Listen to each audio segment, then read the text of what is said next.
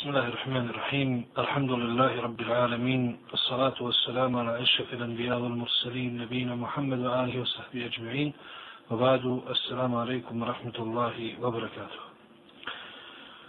Zahvaljujem Allahu Đelešanuhu što nam je omogućio i ove sedmice da se družimo sa hadisima Allahu i poslanika sallallahu alaihi wasallam, a konkretno družimo se sa dijelom Rijadu Salihin i posljednjim poglavljem ovoj knjizi, a to su o, hadisi o zanimljivostima iz prošlosti i budućnosti, to jest preznacima kiametskog dana i onoga što će se dogoditi, a najavljena je u hadisima Allahovog poslanika sallallahu alaihi wasallam. I stigli smo do hadisa e, koji nam je prenio Ebu Hureyre radijallahu anhu od Allahovog poslanika sallallahu alaihi wasallam u kojem stoji da je rekao rekao je Allahu poslanik sallallahu alaihi ve sallam كانت امرأتان معهما ابناهما. جاء الذئب فذهب بابن إحداهما فقالت لصاحبتها إنما ذهب بابنك. وقالت الأخرى إنما ذهب بابنك. فتحاكم إلى داود صلى الله عليه وسلم فقضى به للكبرى فخرجتا على سليمان ابن داود صلى الله عليه وسلم فأخبرتاه فقال ائتوني بالسكين أشقه بينكما. فقالت الصغرى لا تفعل رحمك الله هو ابنها فقضى به للصغرى متفق عليه Bile su dvije žene koje su izašle sa svoje dvoje djece. Znači svaka od njih imala je po jedno dijete. I došao je Vuk i pojelo i dijete a, od jedne, od te dvije žene. Znači, jedno dijete je Vuk pojeo. I tako joj je Vuk pojeo dijete, reče to drugoj ženi, Vuk je pojeo tvoje dijete. A ova reče, ne, nego tvoje. I one dođeše do Davuda, alaihissalam, a Davud, alaihissalam, je vjerovjesnik i poslanik koji je bio poslat Beno Israelčanima, jedan od najpoznatijih naj, e, njihovih vjerovjesnika koji je bio i veliki vladar i vjerovjesnik ujedno. I došle su kod njega da traži presudu. I Davud, ali vam je presudio da dijete pripada starijoj ženi.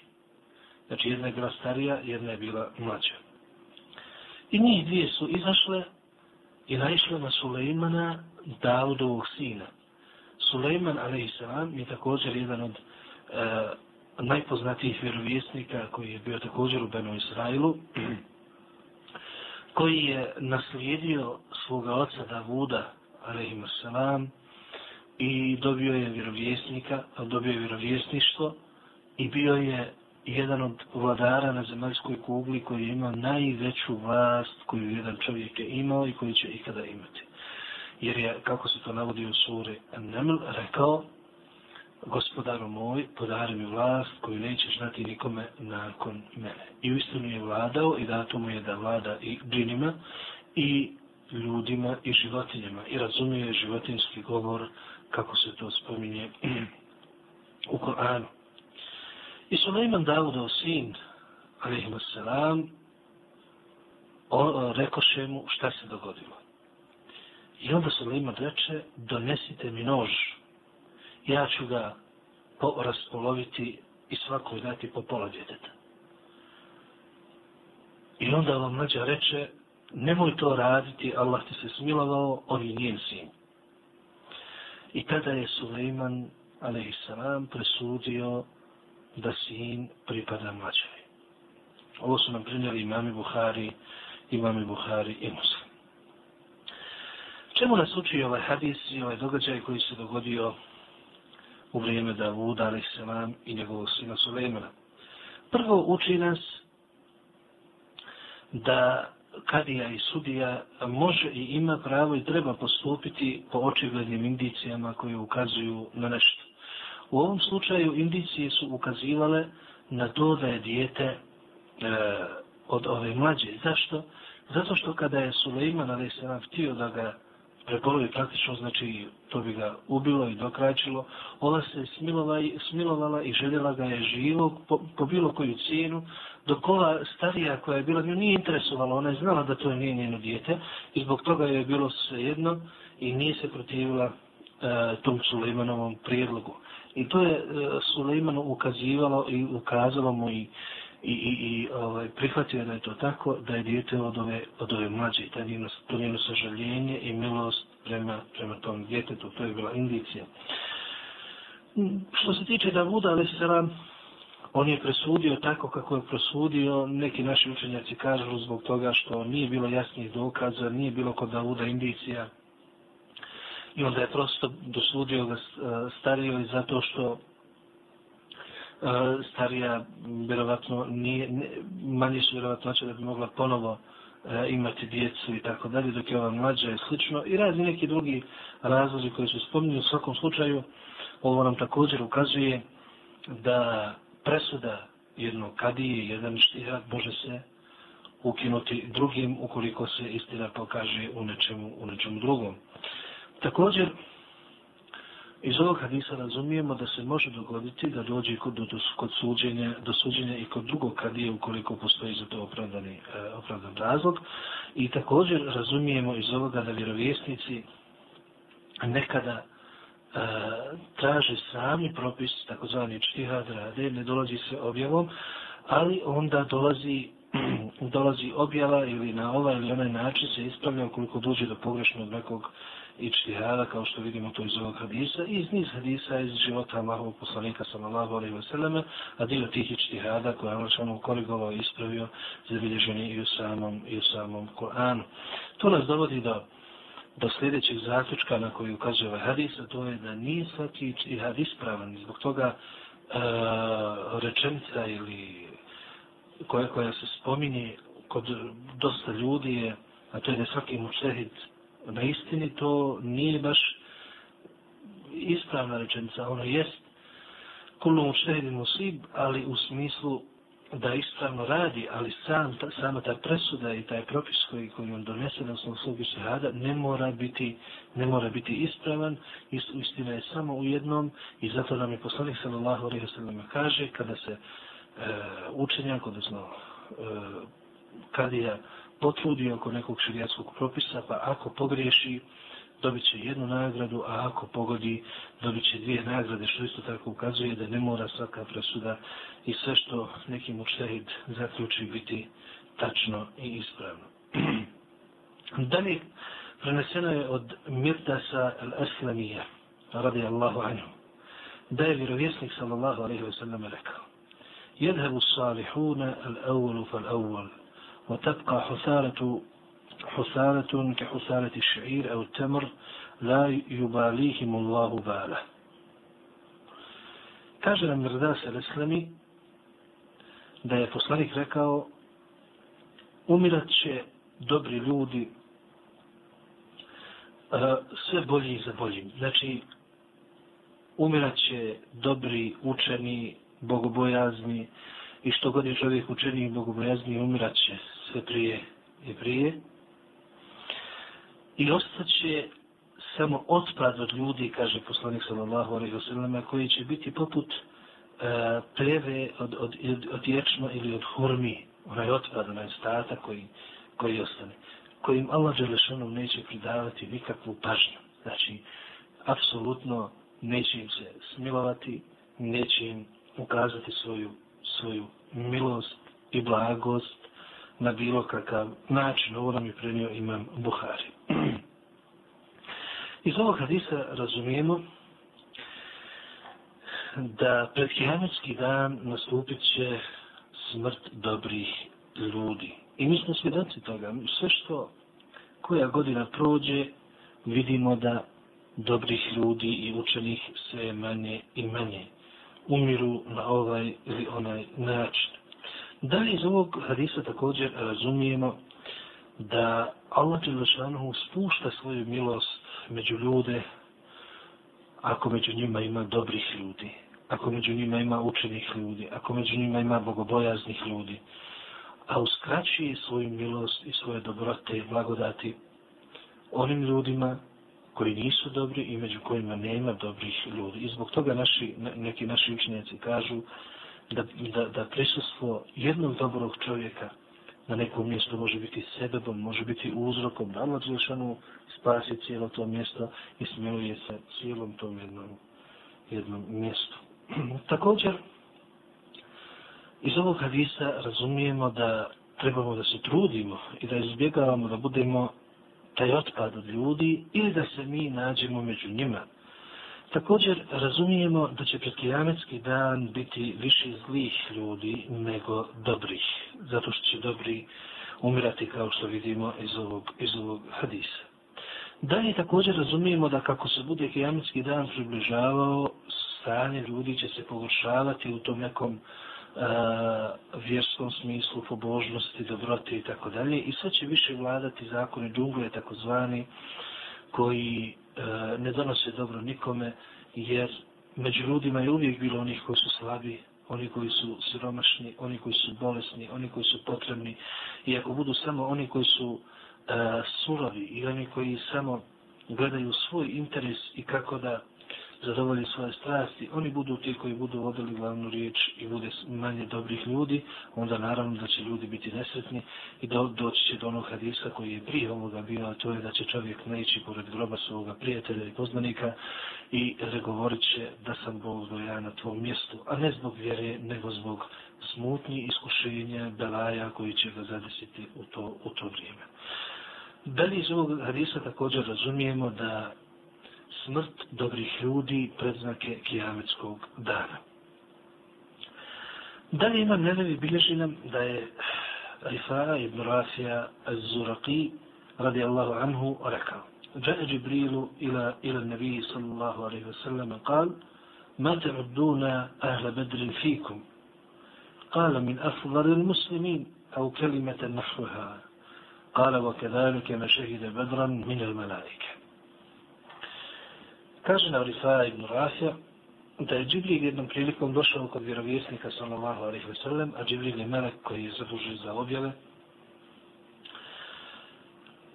Kakvim vi smatrate i kakvim držite učesnike Bedra među vama? Pa je poslanik rekao da su najbolji muslimani ili nešto slično. Onda je Džibril njemu odgovorio, isto tako mi smatramo meleke koji su učestvovali na Bedru.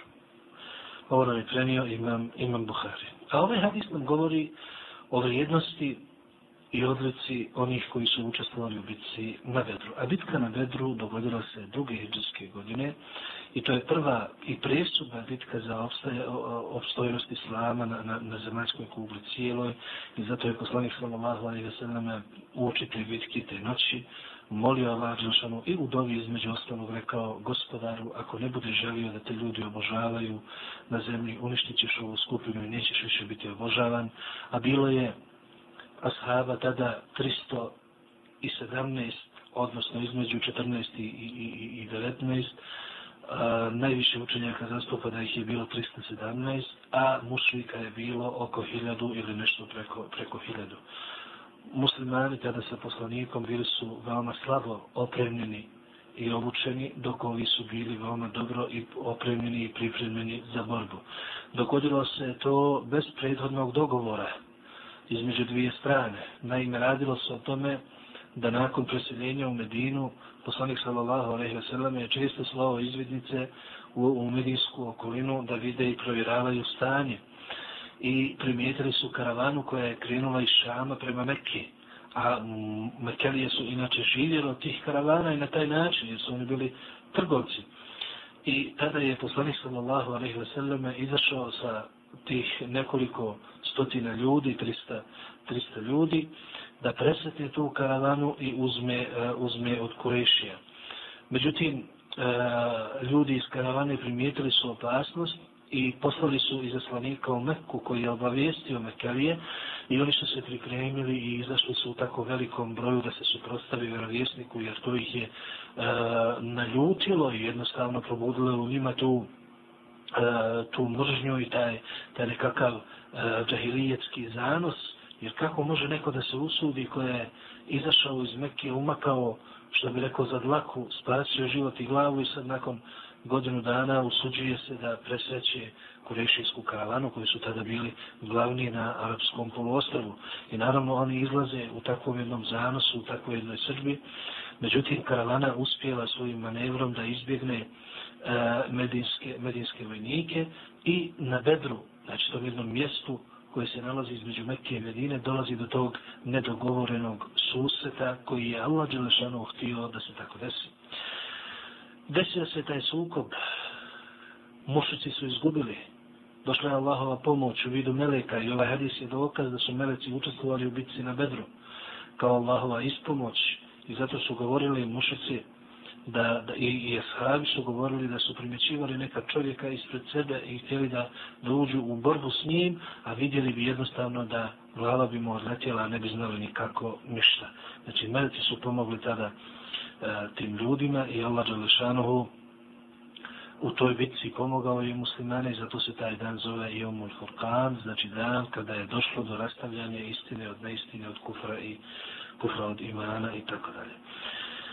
I naravno ti učesnici koji su bili u tom bedru, na tom uh, bitci na bedru, počestovani su posebnim, posebnim nekim vrijednostima i odlikama, pa između ostalog, e, kako je to poslanik sallallahu alaihi wa sallam rekao, Allah Đelešanu je za te učesnike na bedru rekao, radite šta hoćete, ja sam vam već oprostio.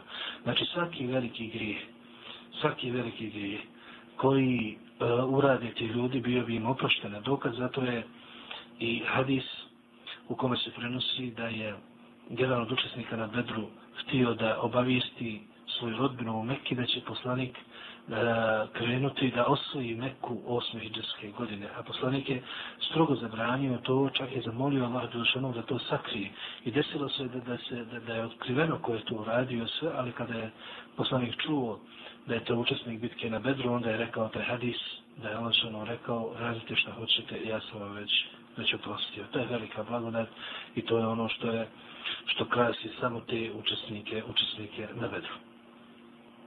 Dalje, ovaj hadis je također dokaz da su sahabi svi pravedni i da nema govora da nakon toga, da su nakon toga e, izašli iz vjere ili nešto slično kao što to, kao što to neki spominju, nego to su odlikovani ljudi koji e, su svojim postupcima dokazali svoj iman i prije i prije svoje smrti. Dalje hadis također ukazuje na veličinu događaja na Bedru koji se inače spominje obilježava u mjesecu Ramazanu, i slično. Nastavlja dalje imam neveli govoriti o događajima koji su se dogodili ili koji će se dogoditi i o interesantnim uh, pojavama koje su najavljene u hadisima, pa kaže nam da je Abdullah ibn Umar radijallahu anhuma prenio od vjerovjesnika sallallahu alaihi wa sallam da je rekao sljedeći. إذا أنزل الله تعالى بقوم عذابا أصاب العذاب من كان فيهم ثم بعث على أعمالهم kada uzvišeni Allah na neki narod spusti svoju kaznu ona zahvati i pogodi sve koji se nalaze u tom narodu, a proživljeni će biti svako po svojim dijelima.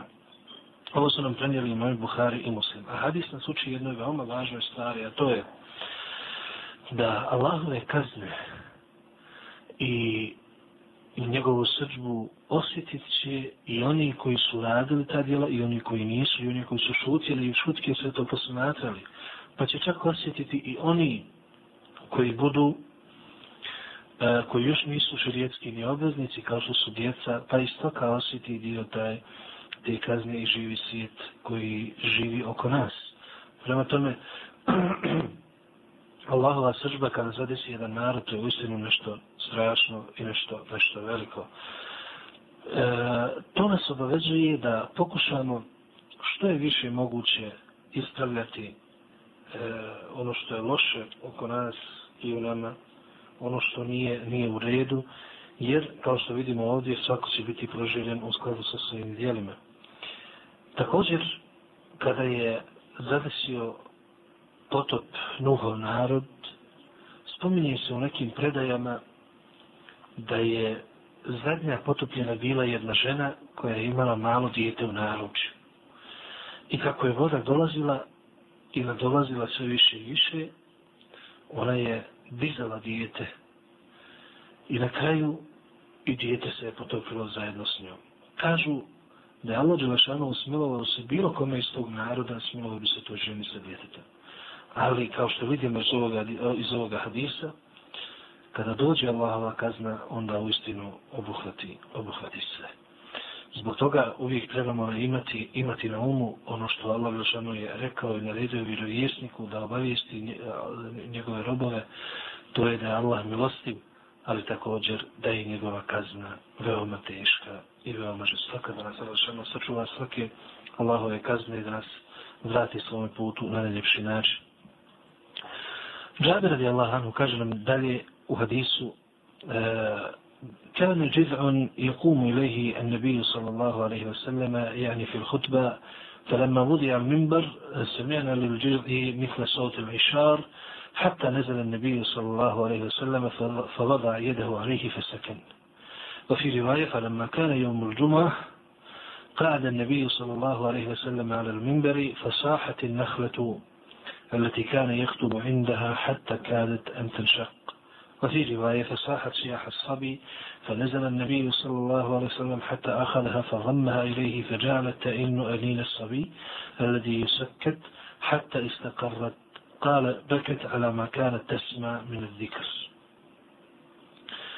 Kaže nam da je bio jedan pan, znači bila jedan pan, ima jedna odsječena, i na njemu je poslanik stajao kada je držao hutbu u svojoj džamiji. Znači u to vrijeme, naime, mi znamo da je poslanikova džamija bila podignuta od pluća i granje i tako dalje, nije bila nadkrivena i a, nije bila prostorsta, bio to pijesak samo i, i slično. Bilo je tu, našla se jedna palma koja je bila odsječena i na tom mjestu poslanik sallallahu alaihi wa sallam je stajao kada je držao, držao hudbe. Kada smo postavili mimber, znači kada je mimber postavljen u poslanikovu džamiju, čuli smo kako taj panj plače i ispušta zvuk poput deve koja je u desetom mjesecu uh, a, sa, sa mladunčetom. Poslanik sallallahu alaihi wa sallam je sišao s mimbera, stavio svoju ruku na taj pan i on se smirio. U drugom vrijeme to sve kada je došlo džuma i poslanik sallallahu alaihi wa sallam na mimber, taj panj od palme je toliko zacvilio e, i zaplakao, sa, tako da samo što se nije raspolovio i samo što nije pukao. U trećem rivetu stoji poče, e, pan je zaplakao poput djeteta, pa je vjerovjesnik sallallahu alaihi wa sallam sišao, s njim bere, e, stavio svoju ruku na njega, pregrlio ga i tada je pan počeo jecati poput djeteta koga smiruju da ne plače sve dok se nije smirio. I kaže se, plakala je zbog toga e, što neće više moći na njoj da, da, da, da se sluša zikr, odnosno hutba. Ovo nam je zabilježio imam, imam Buhari. Ovaj hadis, kao što kažu naši učenjaci, dokaz je istinitosti našeg vjerovisnika, sallallahu alaihi wa sallam, i ovo se smatra jednom od njegovih muđiza. S tim što su muđize, raniji ranije učenjaci u prvim generacijama, e, nazivani dokazi vjerovjesništva ili jednostavno samo znakovi ili čuda. U ovom slučaju vidjeli smo da je to čudo dogodilo se u vezi sa e, tom palmom, odnosno paranjem koji je ostao od palme. Dalje iz ovog hadisa također e, razumijemo da je lijepo i mustahab hudbu na džume držati sa mimbere, da bi ljudi bolje čuli, da bi bolje vidjeli onoga koji govori i tako dalje. Dalje, također iz uh, ovoga razumijemo da nekada Allah Đelešanu predmetima i neživim bićima može dati moć razumijevanja i slično. Kao što će to biti na kijametskom danu kada će svjedočiti sve što je oko nas pa i sama i sama zemlja. Dalje kaže imam nevevi preneseno da je Buthaleb el-Hušerija radijallahu anhu da je vjerovisnik sallallahu alaihi sallam rekao Inna Allah ta'ala farada faraiz fala tudaji'uha وحد حدودا فلا تعتدوها وحرم أشياء فلا تنتهكوها وسكت عن أشياء رحمة لكم غير نسيان فلا تبحثوا عنها حديث حسن ودار Kutni وغيره Kaže Abu Thalib al-Hushani da je vjerovjesnik sallallahu alejhi ve sellem rekao: Uzvišeni Allah propisao je farzove i nemojte ih e, gubiti, odnosno praktikujte ih. Zabranio je određene stvari, postavio granice, pa ih vi ne prelazite. Zabranio je određene stvari i postupke, nemojte to raditi. A neke stvari je prešutio iz milosti prema vama, ne iz zaborava, pa nemojte ni oko njih tražiti i istraživati nešto i tako dalje. Kažem vam, ne vidim ovaj hadisi Hasan, prenio ga Dara Kutuni i drugi. Međutim, kažu učenjaci hadisa, ovaj hadis ipak ne može podlijeći uslovima vjerodostojnog hadisa i on je slab.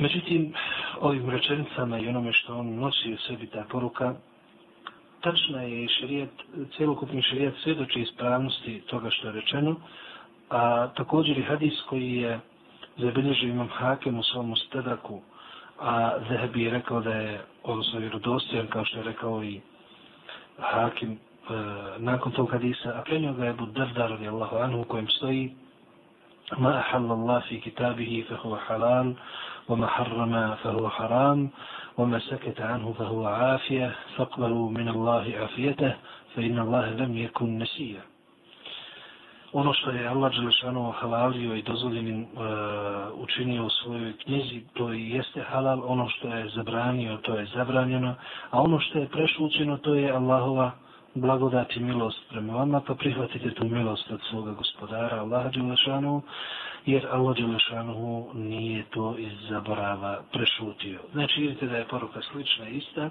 a iz ovog hadisa možemo razumijeti sljedeći. Prvo, halal u ovom šarijetu je jasan. Također i haram je jasan. I mi smo dužni i obavezni uz određene farzove da ih praktikujemo i radimo. Najveći farz kojim smo zaduženi jeste svjedočenje da nema istinskog Boga osim Allaha i da je Muhammed sallallahu alaihi wa sallam njegov poslanik.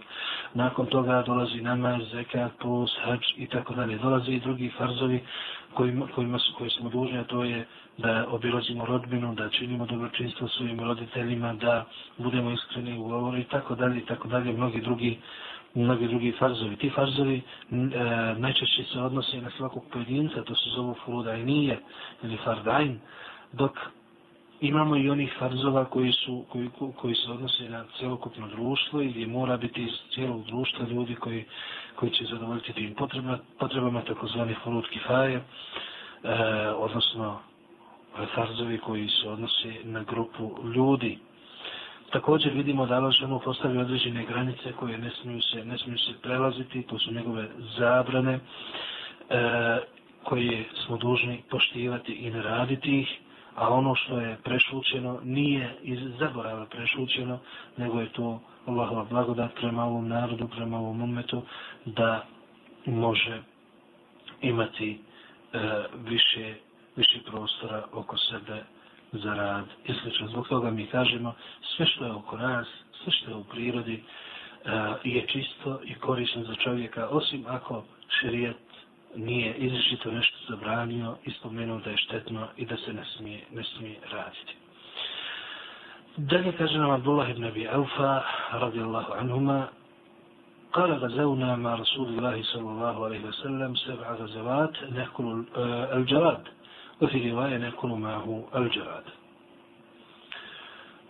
Kaže nam ovaj ashab, sedam bitki vodili, bili smo zajedno sa Allahovom poslanikom, sallallahu alaihi wa sallam, i prilikom toga jeli smo skakavce. U drugom rivajetu, s njim smo zajedno jeli skakavce, znači s poslanikom, sallallahu alaihi wa sallam. Ovo su nam prenijeli imam Buhari i imam Muslim. Znači ovdje nam imam nevevi sad dolazi sa nekim hadisima koji su vezani za fikske propise, širijetske propise koji su možda malo neobični. E, a tu u ovom slučaju jeste e, jedenje skakavaca koje mi znamo, oni veliki, veliki skakavci. Oni su dozvoljeni jesti kao što vidimo iz ovog hadisa, čak u nekim drugim hadisima se spominje da ih da se mogu jesti i mrtvi i živi i tako dalje. Znači, bez obzira ne moramo ih mi ubiti, odnosno ne treba za njih klanje i tako dalje, kao što slučaj sa ostalim, sa ostalim životinjama.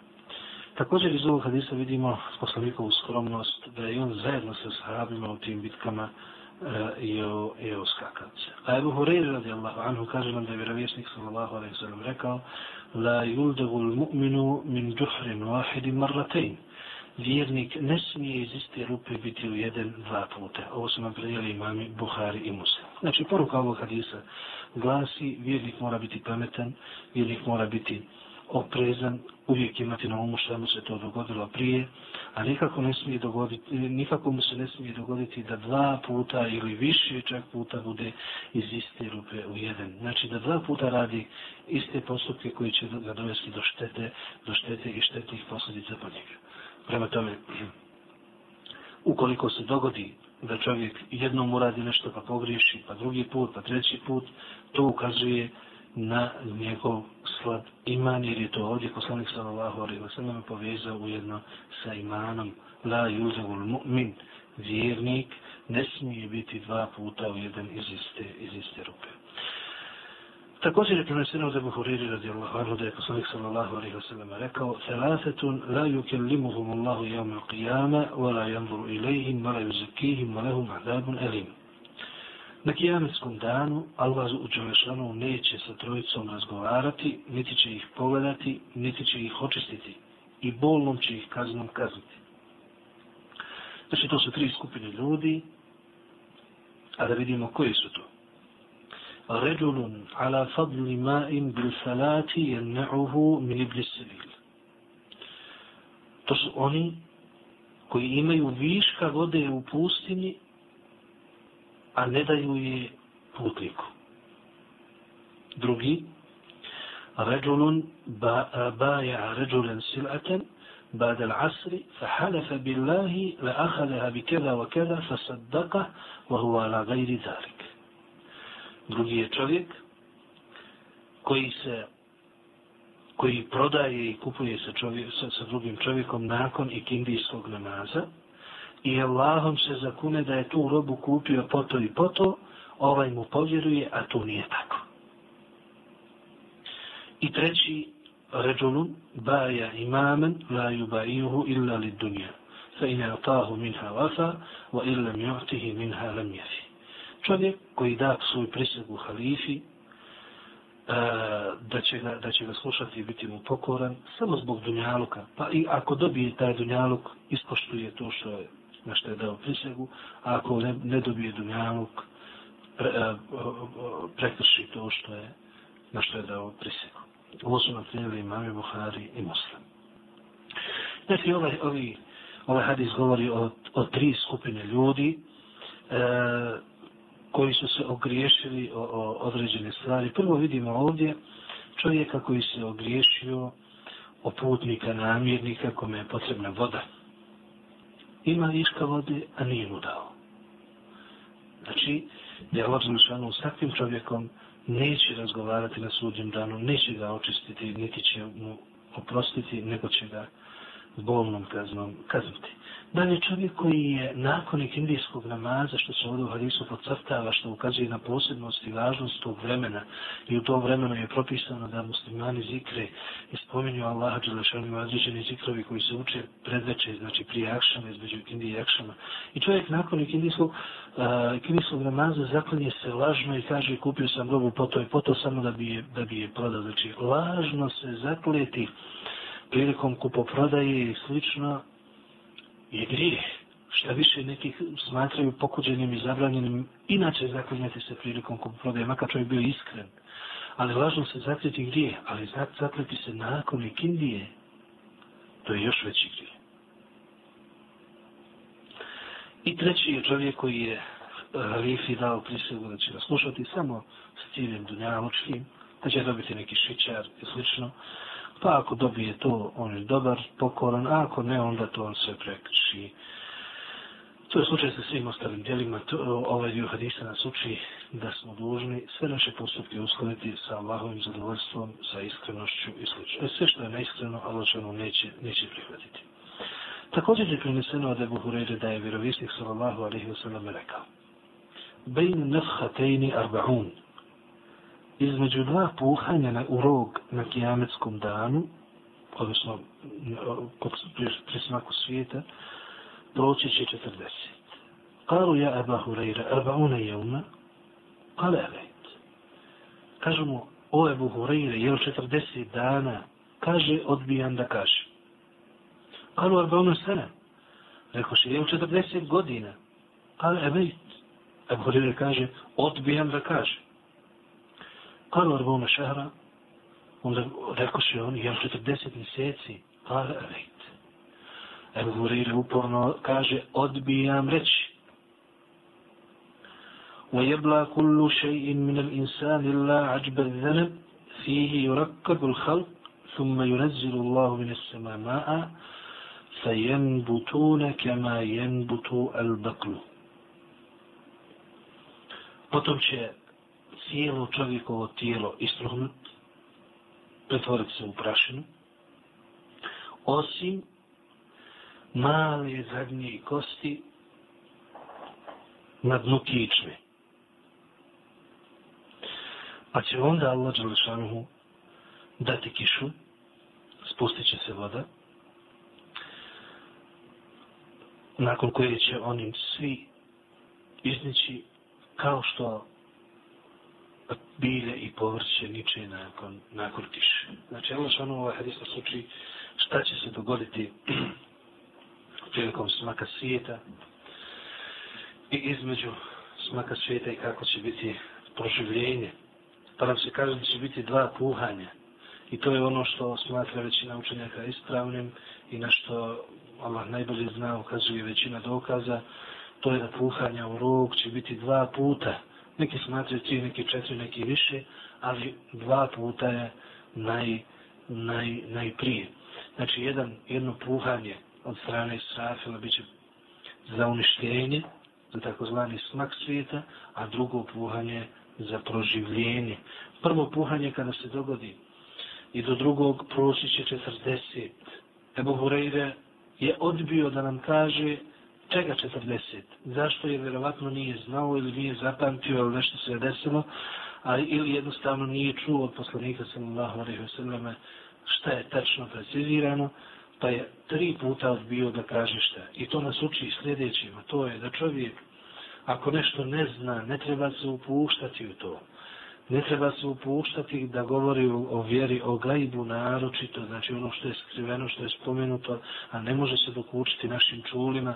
U tom slučaju treba se ograničimo samo i isključivo na ono što je došlo u hadisima, bez obzira razumijeli mi to ili ne. Jer ne možemo te hadise koji govore o budućnosti, o budućem svijetu i tome što, što će biti, ne možemo to podčiniti našoj logici koja je, koja je donekle važića za ovaj svijet i koja je, koja je znači, ustanovljena na temeljima koji važe po ovim nekakvim važećim pravilima na ovom svijetu. Prema tome, e, velika, velika je greška tako odnositi se prema ovim i sličnim, i sličnim hadisima, i samim tim mi zatvaramo sebi vrata, to je veliko spoznaje i velikom broju hadisa koji govore na tu temu. Dalje, ovdje se opisuje da ljudsko tijelo će struhnuti i to je osnova. Znači, ljudsko tijelo kada bude zakopano, ono jednostavno nestaje, pretvara se u prašinu i slično. Međutim, postoje iznimci. A prvi iznimci su vjerovjesnici i poslanici. Vjerovjesnici i poslanici Allah Đelešanu je zabranio zemlji da jede njihova tijela kako je to došlo u hadisu. Znači njihova tijela ostaju onakva kako su zakopana onoga dana kada su zakopane. Znači ne mijenjaju se nimalo i iz počasti prema njima Allah Đelešanu je sačuvao ta tijela. Dalje, također šehidi, neka njihova tijela i dobri ljudi, dobri vjernici, kao kerameti, kao počast za te ljude, ostaju ponekada onako kako jesu i ne mijenjaju se nikako. Ali kažemo, osnova je, znači na osnovu ovog i drugih hadisa, osnova je da jednostavno tijelo uh, istruhne i pretvori se u prašinu. Dalje, Allah Đelešanu je htio da, da će ostati ta jedna kost e, iz koje će nakon te kiše, kako u drugim hadisima opisano, koja će ličiti na, na mušku spermu, iznući e, tijela ponovo i tada će naravno doći puhanje u sur, kada će ponovo doći do spajanja duše sa tijelama. Znači tijela će nastati na ovakav način i ona će biti bezživotna Ali će onda doći drugo puhanje, gdje će duše ponovo sastati se sa tijelima i tada dolazi veliko proživljenje i skupljanje pred uzvišenim Allahom Đelešanom. Dalje, kaže nam imam Nevevi, بينما النبي صلى الله عليه وسلم في مجلس يحدث القوم جاءه أعربي فقال متى الساعة فمدى رسول الله صلى الله عليه وسلم يحدث؟ فقال بعض القوم سمع ما قال فكره ما قال. وقال بعضهم بل لم يسمع. حتى إذا قضى حديثه قال أين السائل عن الساعة قال ها أنا يا رسول الله. قال إذا ضيعت الأمانة فانتظر الساعة. قال كيف إذاعتها؟ قال إذا وصد الأمر إلى غير أهله فانتظر الساعة. Kaže nam Ebu Horeira da je jednom prilikom vjerovjesnik sjedio među ljudima i držao im neki govor. Odjednom se pojavi neki beduin i odjednom iz nebuha reče kad će smak svijeta. Poslanik sallallahu alaihi sallam je nastavio govoriti neki od prisutnih rekoše sami sebi sigurno je čuo šta je rekao, ali prezreo je to i nije, nije htio ništa na to reći, dok drugi kažu mora da nije čuo. Kada je poslanik završio govor, tada je rekao, gdje je onaj koji je pitao o smaku svijeta? Pa je rekao, evo ja sam taj Allahov poslanič. A poslanik mu reče, kada nestane povjerljivosti i emaneta, očekuj kijametski dan. Kaže čovjek, a kako će nestati, na koji način će to nestati emaneta i povjerljivosti? Poslanik reče, kada se povjerljivi poslovi budu davali u ruke onih koji ih nisu dostojni, onda očekuju kijametski dan. Ovo nam je prenio imam Al-Buhari. Znači, kada se povjerljivi poslovi budu davali onima koji ih nisu dostojni, koji ih ne znaju raditi, koji nisu za to posla, onda očekuje kijametski dan i ovo je uveliko u istinu uzelo maha i vidjet ćemo da, nažalost, dosta poslova ili većinu poslova vode ljudi koji ih u istinu nisu dostojni, dostojni voditi. Dalje također od Ebu Hureyri radijallahu anhu preneseno je da je vjerovjesnik sallallahu alaihi wa sallam rekao يصلون لكم فإن صابوا فلكم وإن أخطأوا فلكم عليه Oni će klanjati vama. Kažu naši učenjaci, to jest imami. Imami u namazima, a također i imami u vodstvu halife, prvaci i tako dalje. Ako budu ispravno postupali, to je za vas i vaše dobro. A ako pogriješi, e, to je za vas u redu, a oni će snositi posljedice, posljedice toga. Na osnovu ovog hadisa kažu naši učenjaci da imanova greška ne utječe na namaz onoga koji klanja za njim, muktedije, ako je muktedija ispravno, ispravno postupio. Znači, po ispravnom mišljenju, nema, ne utječe, znači, na ispravnost namaza muktedije ako imam pogrešu u nečemu, a muktedija ispravno, ispravno postupi. Na osnovu, na osnovu ovoga također vidimo da vjera islam postiče na svaki vid reda i na svaki vid e, dobročinstva, a udaljava svoje pripadnike od svakog zla i od svakog vida nereda i anarhije. Također od Ebu Horeire je preneseno u vezi sa ajetom كنتم خير أمة أخرجت للناس قال خير الناس للناس يأتون بهم في السلاسل في أعناقهم حتى يدخلوا في الإسلام Vi ste najbolji ljudi, vi ste najbolji umet koji se pojavio među ljudima.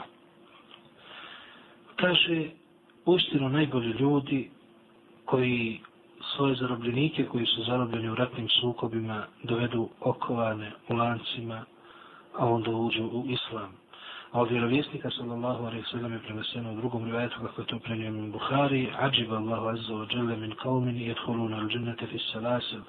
Allah Đelešanu je zadivljen ljudima koji uđu u džennet okovani u lancima. To jest, budu zarobljeni, kao što kaže imam nevevi, pot, uh, e, u sukobima između muslimana i nemuslimana, a onda prihvate islam i kao muslimani uđu u džennet. Ovo nam je prenio imam Buhari kao što smo, kao što smo rekli. Također od Ebu Hureyri radijallahu anhu preneseno da je poslanik sallallahu alaihi wa sallam rekao Ahabbu biladi ila Allahi masajiduha wa avgadu biladi ila Allahi aswaquha. Najdraža mjesta Allahu Đelešanu su džamije, a najmrža mjesta su mu pijace i, i, i, i slična mjesta gdje se, gdje se radi ta trgovina. Znači ovo je zabilježio imam muslim. Zašto su Allahu Đelešanu najdraža mjesta džamije, to je jasno. Znači jasno je da Allah Đelešanu najviše voli mjesta gdje se on spominje i koja su posebno e, i izgrađena i napravljena da bi se Allah Đelešanu spominio i ibadet se to učinio. A zašto su mu najmržija mjesta pijace? Zato što, kažu naši učenjaci, na tim mjestima e, ima mnogo grijeha, mnogo prevara, mnogo neispravnih ugovora, mnogo često i kamate i tako dalje. I to je takozvano šeitarsko polje, kao što ćemo vidjeti u sljedećoj predaji koja je zabilježena od Salman al-Farisija, radijallahu anhu, koju stoji da je on naime rekao La tako nemne istatate awala men jedhula suq, men jedhula suq, wala ahir men jehruđu minha, fa innaha ma reketu šeitanu biha jansubu rajetehu. Znači, ima muslima je prenio u predaju Salmana al-Farisija u kojoj stoji nipošto nemoj biti, ako ikako možeš prvi koji će ući na pijacu, niti posljednji koji će izaći iz nje. Jer to je šeitansko bojno polje, to je njegova bitka, to je on, tu, tu on drži glavnu riječ i na, to, na tom mjestu, znači na pijacama, on postavi svoju zastavu. E, u drugom rivajetu koji je zabilježio Al-Barhani u svom sahihu od Salmane prenosimo da je to rekao poslanik sallallahu alaihi sallam i konkretna verzija glasi La takun awala man jedhulu suq, wala ahir man jehruž minha, فبها فيها بعض الشيطان وفرخ nemoj biti prvi koji će ući na pijacu, niti posljednji koji će izaći iz nje, jer šeitan se na tim mjestima razmnožava. Znači na tim mjestima on uh, šalje svoje pomoćnike i širi se da bi širio grijeh. A Azim al-Ahval prenio nam je od Abdullah ibn Sarđisa radijallahu anhu, da je rekao, rekao sam Allahovom poslaniku, ja Rasulallah, غفر الله لك قال ولك قال عاصم فقلت له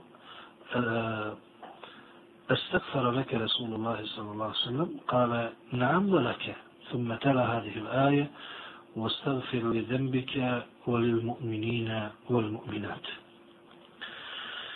kaže nam Asim al-Ahval da je on rekao da li je Allah poslanik sa sallam tražio oprosta za tebe, pa je onda rekao i tebi, pa je onda Asim mu rekao e, da li je poslanik sa sallam oprost tražio za tebe, kaže da, a i za tebe isto tako i proučio je ajet u kojem koji glasi moli oprost za svoje grijehe i za grijehe vjernika i vjernica. Ovo nam je prenio ima muslim u svom sahihu. Znači prvo je eh, Serđi Sodi pitao Allahog poslanika sallallahu alaihi sallam, pa je onda on prenio to ovom drugom iza sebe isti odgovor kao što ga je prenio uh, muslim u svom sahihu. Volimo Allah da se obskrbi svakim dobrom i da nas učini od onih koji će slušati ono što je najljepše i raditi ono što je najbolje.